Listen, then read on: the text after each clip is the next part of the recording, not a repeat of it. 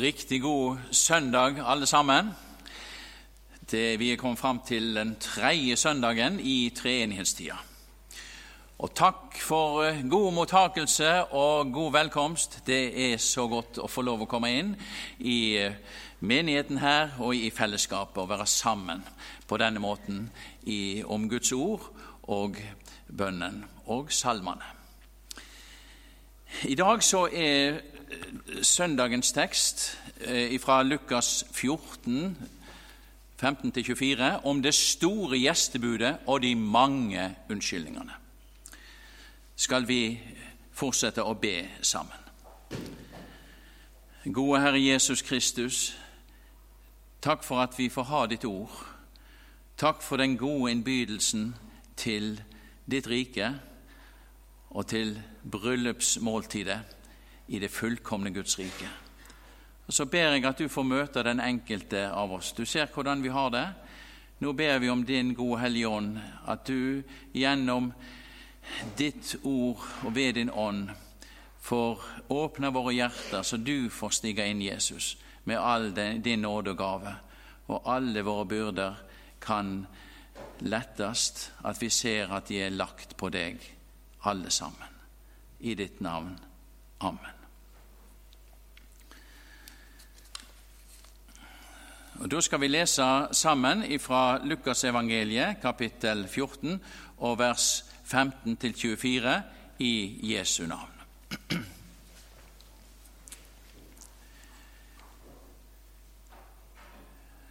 Da en av dem som satt til bords sammen med ham, hørte dette, sa han:" Salig er den som får sitte til bords i Guds rike. Da sa han til ham:" Det var en mann som gjorde et stort gjestebud og innbød mange. Da tiden for gjestebudet var inne, sendte han sin tjener for å si til de innbundne, Kom, for nå er det ferdig. Men alle som en begynte de å unnskylde seg. Den første sa til ham, Jeg har kjøpt en åker og må gå og se på den. Jeg ber deg, ha meg unnskyldt. En annen sa, Jeg har kjøpt fem par okser og går for å prøve dem. Jeg ber deg, ha meg unnskyldt. Og en tredje sa, Jeg har tatt meg en hustru, og derfor kan jeg ikke komme. Da tjeneren kom tilbake, fortalte han sin herre dette. Da ble husbonden harm og sa til tjeneren:" Gå i hast ut i byens gater og streder, og før hit inn de fattige og vannføre og blinde og lamme. Og tjeneren sa, Herre, det er gjort som du bød, og det er ennå rom. Da sa Herren til tjeneren, Gå ut på veien og ved gjerdene og nød folk til å komme inn, så mitt hus kan bli fullt. For jeg sier dere, Ingen av de menn som var innbudt, skal smake mitt festmåltid. Dette var ordet ditt, Hellige Far. Hellige oss i sannheten. Ditt ord er sannhet. Amen.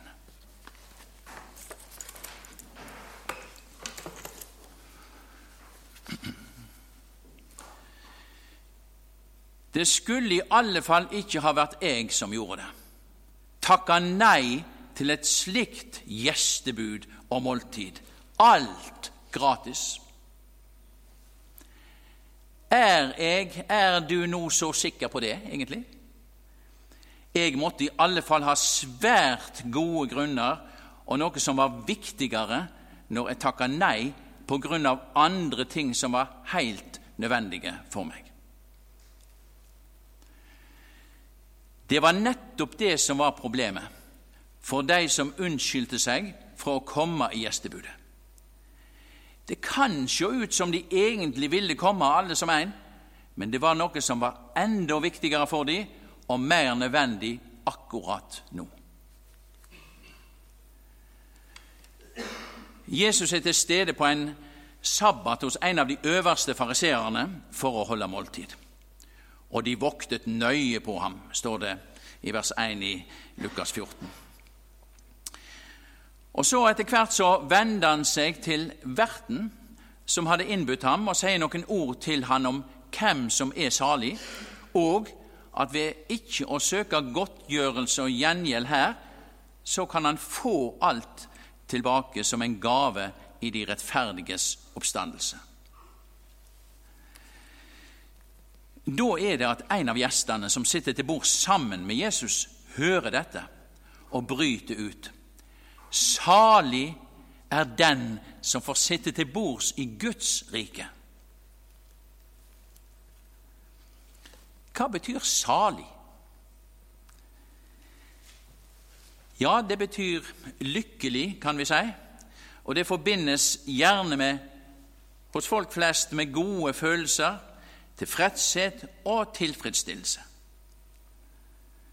Vi hører om den, den rike mannen som levde hver dag i herlighet og glede i Lukas 16. Det var hans gode som han levde i. Og den rike bonden som vi hører om i Lukas 12, han sa til seg sjøl, så vil jeg si til min sjel, du har mye godt liggende for mange år. Slå deg til ro, et, drikk, vær glad. Og begge disse hadde oppnådd sitt høgste gode i alt som kunne tilfredsstille dem i dette livet. Og det opplevdes nok ikke som tomt der og da, men som den største lykke, og det var deres ulykke, egentlig. For denne lykken tar slutt en dag. Det fikk begge disse mennene brutalt oppleve. Og da sitter en fattig, tom og ulykkelig tilbake. Slik er det f.eks. også med den ufattelige lykkefølelsen rusen kan gi.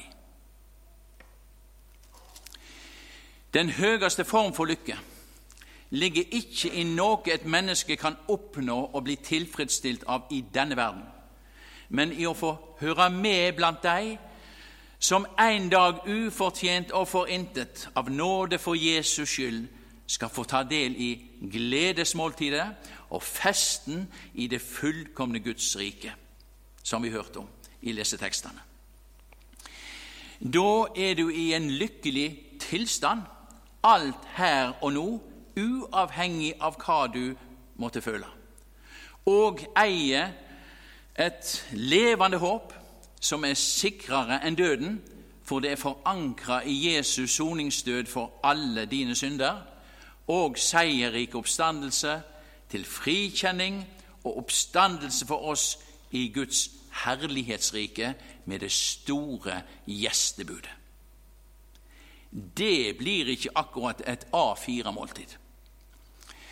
Vi hørte i tekstene om et gjestebud og festmåltid uten make for frelste syndere fra alle folk, der døden er oppslukt for evig. Slik sto det i teksten som ble lest fra Jesajas 25.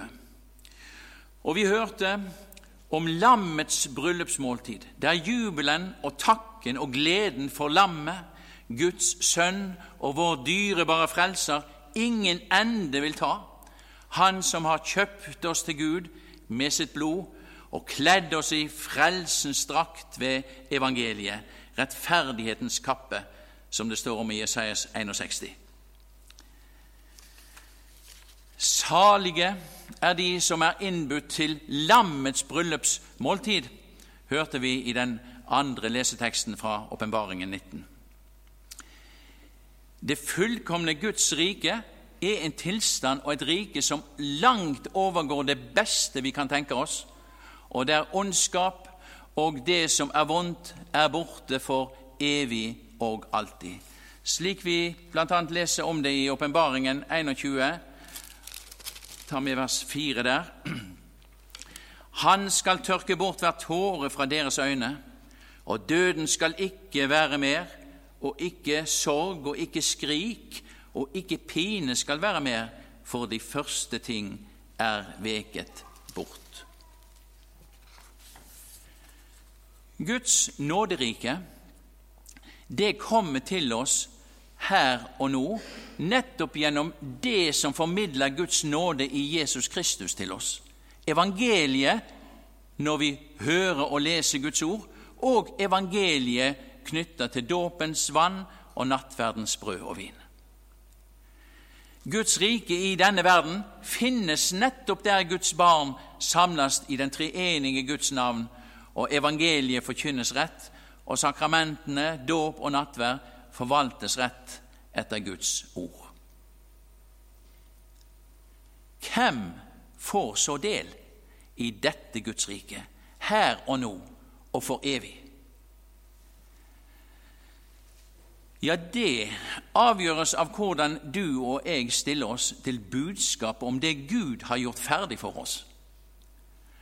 Han har gitt deg alt for intet for at du kan bli og være den hellige og kjærlige Guds barn med arverett til det fullkomne Guds rike gjennom Jesus Kristus.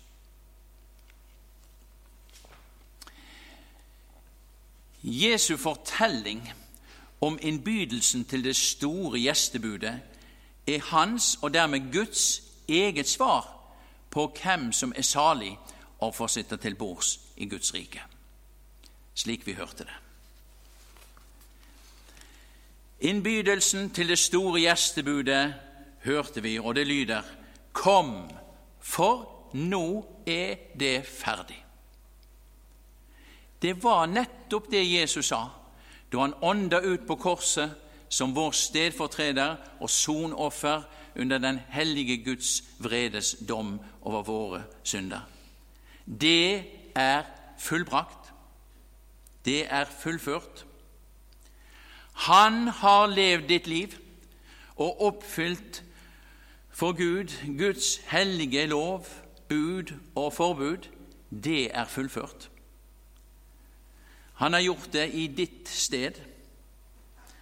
Og han har sona hele din og alle mennesker sin syndeskyld slik at vi gjennom han kan bli frikjent for Gud ved å ikke avvise dette evangeliet, men ta vår tilflukt til det når evangeliet tar vårt blikk og retter det på Jesus og avdekker hans gjerning for oss. Det er fullført. Han har gitt oss barnekår og evig liv. Han har gitt oss framtid og levende håp ved sin død og oppstandelse for oss. Derfor kan Gud nå i sin store kjærlighet og nåde innby deg og meg til gledesfesten i Guds rike, for alt er ferdig fra Guds side for oss.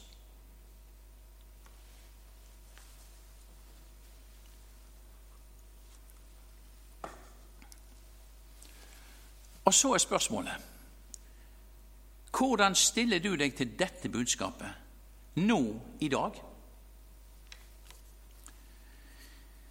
I fortellingen om det store gjestebudet så hørte vi at ingen av de innbudne kom.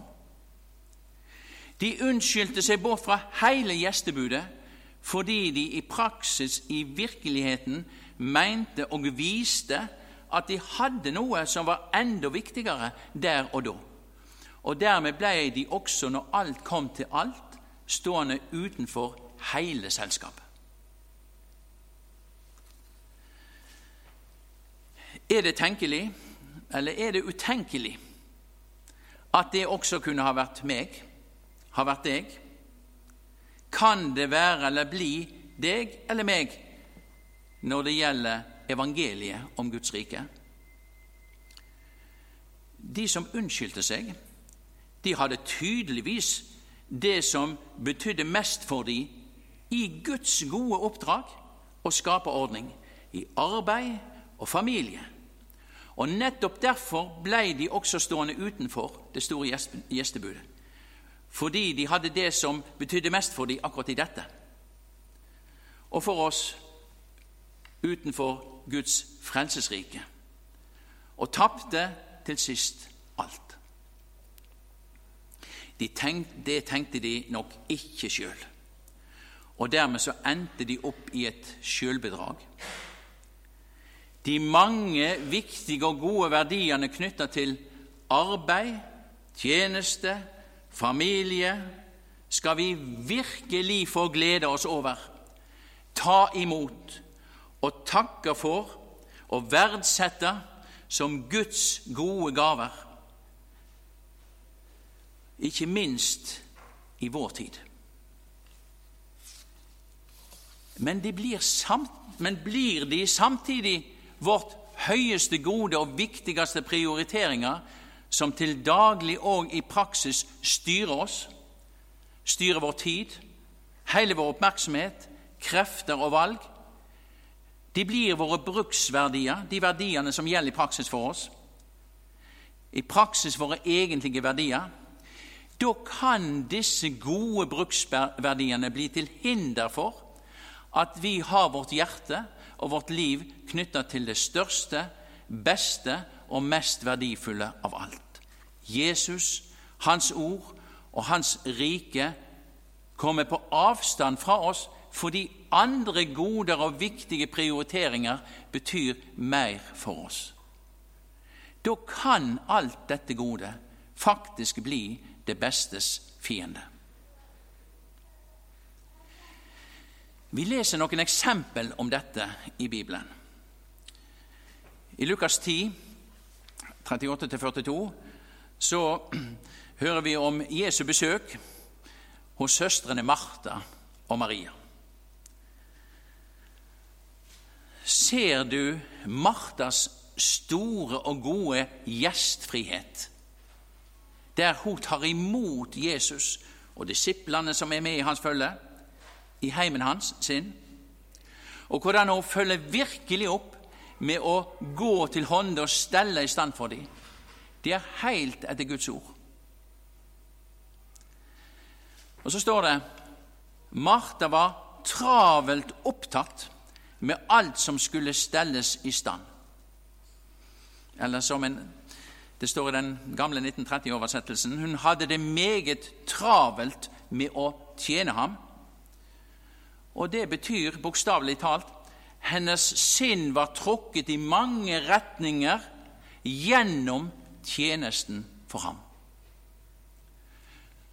Hun tjente faktisk Jesus, men hun gjorde det på en slik måte at selve tjenesten for Jesus holdt henne borte fra Jesu ord og dermed ifra han selv.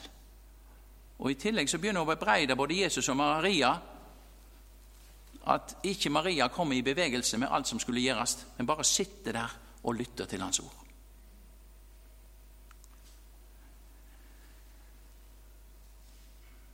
Det forholdet vi har til Jesu ord, er også det samme forholdet vi har til Han sjøl. Martha gjorde seg strev og uro med alt det hun så som nødvendige ting der og da, med slike gjester i huset. Men ett er nødvendig, er virkelig nødvendig, sa Jesus til henne. Maria, som hadde satt seg ved Jesu føtter og lytta til hans ord, har valgt den gode del, Jesus og Guds rike, som ikke skal tas fra henne, sa Jesus. Den første av de innbudne gjestene til det store gjestebudet som unnskyldte seg, sa:" 'Jeg har kjøpt en åker og må gå ut, må gå og se på den. Jeg ber deg, ha meg unnskyldt.' Dette uttrykket 'må gå og se på den', det, en, det er et, ord, et uttrykk som betyr en nødvendighet, en tvang. Noe som styrer våre faktiske valg og avgjørelser. I Åpenbaringen 2, 1-7, så møter vi Herren Jesu ord til menighetsforstanderen i Efesus. Jeg, sier han, vet om dine gjerninger og ditt arbeid og din utholdenhet. Og så blir veldig mye positivt og prisverdig løfta fram. Og så kommer det. Men jeg har imot deg at du har forlatt din første kjærlighet. Han sto en gang et sted som han nå har forlatt. Den første kjærligheten er Jesus. Det var han blikket var retta på. Nå er det retta på alt ansvar, oppgavene og tjenesten for Jesus. Kom derfor i hu, sier Jesus, hva du har falt fra. Omvend deg og gjør de første gjerninger. Der ligger håpet, og der ligger Jesu omsorg. Vend tilbake til det forholdet du hadde til meg, til Jesus, før, og de følgene, de fruktene, det fikk fortjenesten. For da ble det Jesus som utfolda sine gjerninger gjennom han i alle de ulike oppgavene som var viktige og nødvendige. Og det, Jesus han sier det slik i bergpreika i Matteus 6, 33.: Søk da først Guds rike og Hans rettferdighet, så skal dere få alt dette i tillegg, sier Jesus. Og hvem sier han det til? Jo, til sine bekymringstynga disipler, de som var i hans følge. Bekymringene deres og våre er både helt forgjeves, de er unyttige, og de er dessuten farlige fordi de kan føre vårt hjerte og vår oppmerksomhet mer og umerkelig bort fra Jesus og Hans ord. Da trenger vi å vende om fra våre egne tanker, våre egne prioriteringer, våre egne selvlagde veier som vi vandrer på, ved å vende oss til Herren, gi Han rett, legge alt i Hans hånd ved å vende oss med tid og oppmerksomhetens blikk til Jesus i Hans ord, så vi ikke taper Guds rike midt i alle gode aktiviteter knytta til det livet vi lever, både i arbeid, familie og Guds menighet. Hvordan var så reaksjonen hos husbonden på alle disse unnskyldningene som tjeneren hans brakte fram for ham? Han ble harm. Han ble vred. Og Jesus sier i Johannes 3, 36, Den som tror på Sønnen, har evig liv. Men den som ikke vil tro på Sønnen, skal ikke se livet, men Guds vrede blir over han, så lenge han er i den stilling. Så går innbydelsen videre til de som tar imot og har ingen unnskyldende innvendinger. Det var fattige, vannføre, blinde og lamme. De blir ført inn til festmåltidet.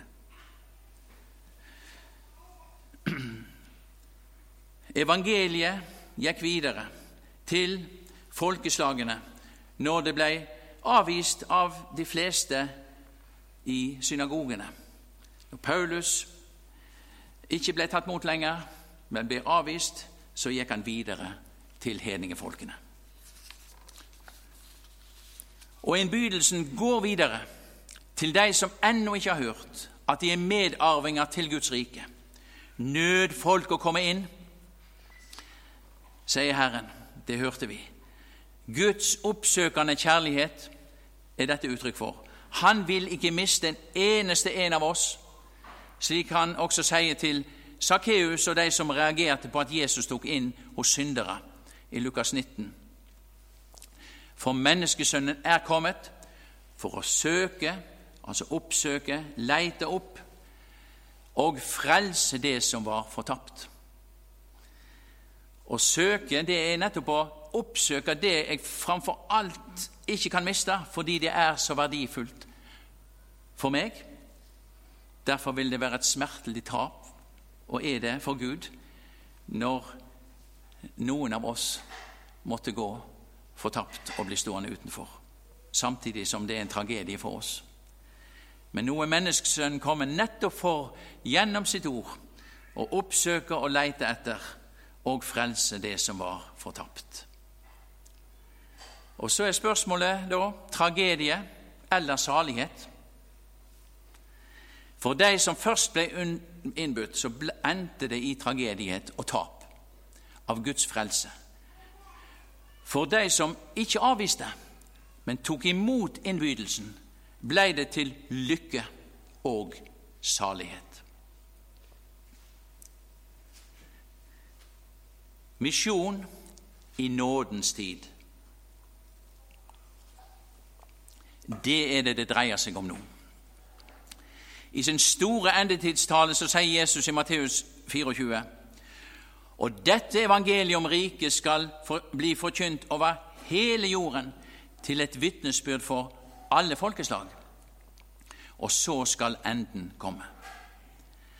Vi som sjøl har fått høre og tatt imot evangeliet, er Jesu tjenere i dag. Vi er sendebud i Kristi sted, står det i 2. Korinterbrev 5, som skal få bringe innbydelsen til Guds rike videre til mennesket omkring oss som et vitnesbyrd i ord og gjerning for alle mennesker, nært og fjernt blant alle folkeslag. Og til oss som har hørt denne innbydelsen mange ganger, så lyder igjen ordet og innbydelsen fra Jesus, slik som vi også møter den i Åpenbaringen 3.20. Se, jeg står for døren og banker, og han banker ved sitt ord. Om noen hører min røst og følgelig åpner døren, vil jeg gå inn til ham og holde måltid eller holde nattvær med ham, jeg med han og han med meg. Vi synd og nåde bytter, slik det står i en bedehussang. Og slik er det Gud som hele tiden åpner din hjertedør for Jesus ved sin ånd gjennom sitt ord, når du hører, leser ordet fra Guds munn i Bibelen og gjennom forkynnelsen. Gir akt på det du hører og leser, og tar vare på det slik at det hele tiden får feste ditt blikk og ditt hjerte på Jesus. Da er du Guds barn for Jesus skyld, under Guds omsorg i alle ting her i livet, og på vei mot det rike der det himmelske gjestebud og lammets bryllupsmåltid med jublende glede aldri skal ta slutt. Ære være Faderen og Sønnen og Den hellige ånd, som var, er og blir en sann Gud, høylovet i all evighet. Amen. Så har jeg lyst til å samle dette i en sang som står i sangboken hvem som helst kan bli frelst.